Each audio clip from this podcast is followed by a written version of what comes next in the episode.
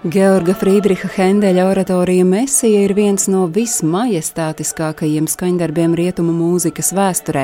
Saskaņā ar mūzikas profesionāļu sacīto, Hendeļa oratorijas vokālis simfoniskajā repertuārā izceļas kā varena kalnu grēda, kurā Mesija ir tās augstākā virsotne.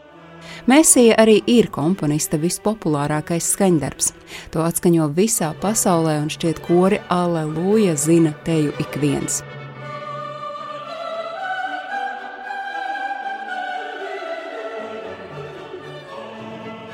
Ja salīdzina Hendeļa mūziku ar viņa laika biedru Bahu, tad Hendeļa skaņdarbos nav tik izteiktas dievbijības, kā tas ir Baham. Toties Hendeļa garīgajai mūzikai piemīt prieks, sajūsma, arī ārkārtīgs miers un visu aptveroša gaisma.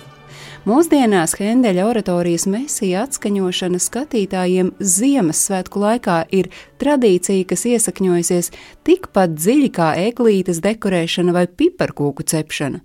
Baznīcās un koncertzālēs visā pasaulē slavenākais garīgās mūzikas skaņdarbs angļu valodā tiek izpildīts gan pilnā, gan saīsinātā veidā, gan ar publikas piedalīšanos, gan bez tās bet gandrīz vienmēr un tikai adventas jeb Ziemassvētku gaidīšanas laikā.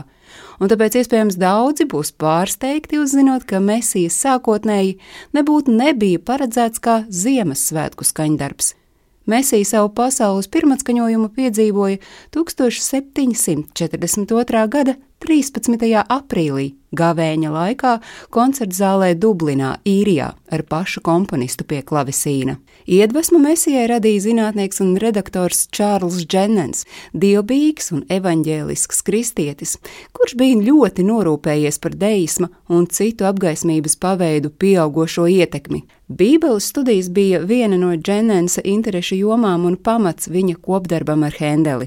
Proti, Dženens radīja libretu, nogādāja to draugam Georgam Friedricham Hendelim un ierosināja to veidot par pamatu oratorijai, kas bija īpaši paredzēta priekšnesumam laicīgā vidē, nedēļā tieši pirms lieldienām. Hendeļa pētniece Rūta Smita no Kembridžas norāda, ka mesija ir vērsta uz tiem klausītājiem, kuri bija ieradušies teātrī, nevis baznīcā klusās nedēļas laikā, lai atgādinātu viņiem par viņu šķietamo ticību un iespējamo likteni. Var skaidri apgalvot, ka tieši Georgs Friedrichs Hendelis un viņa pārpasaulīgā mūzika ir tas, kas padarīja darbu tik mūžīgu un tik iedvesmojošu. Plašu popularitāti Mesija iegūta tikai Hendeļa dzīves pēdējos gados, taču vairāk nekā divus gadsimtus vēlāk tas joprojām ir viens no pazīstamākajiem baroka laika mūzikas darbiem. Un, ja padomā, Hendels Mesijas partitūru atcerējis tikai 24 dienu laikā, var mēģināt saprast, cik neticami viņu cienīja daži no viņa sekotājiem.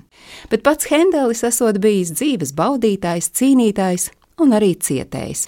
Viņš deva spēcīgus impulsus komponistiem, laika biedriem un arī saviem pēctečiem. Jozefu Haidnu, Wolfgangu Amadeju Mocartu un Beethovenu ieskaitot. Nevelti Ludvigs van Beethovens par Hendelu teicis, viņš ir izcilākais komponists, kāds jebkad dzīvojis. Es noņemu cepuri un nometos ceļos viņa kapa priekšā. Stāstīja Agnese Drunka.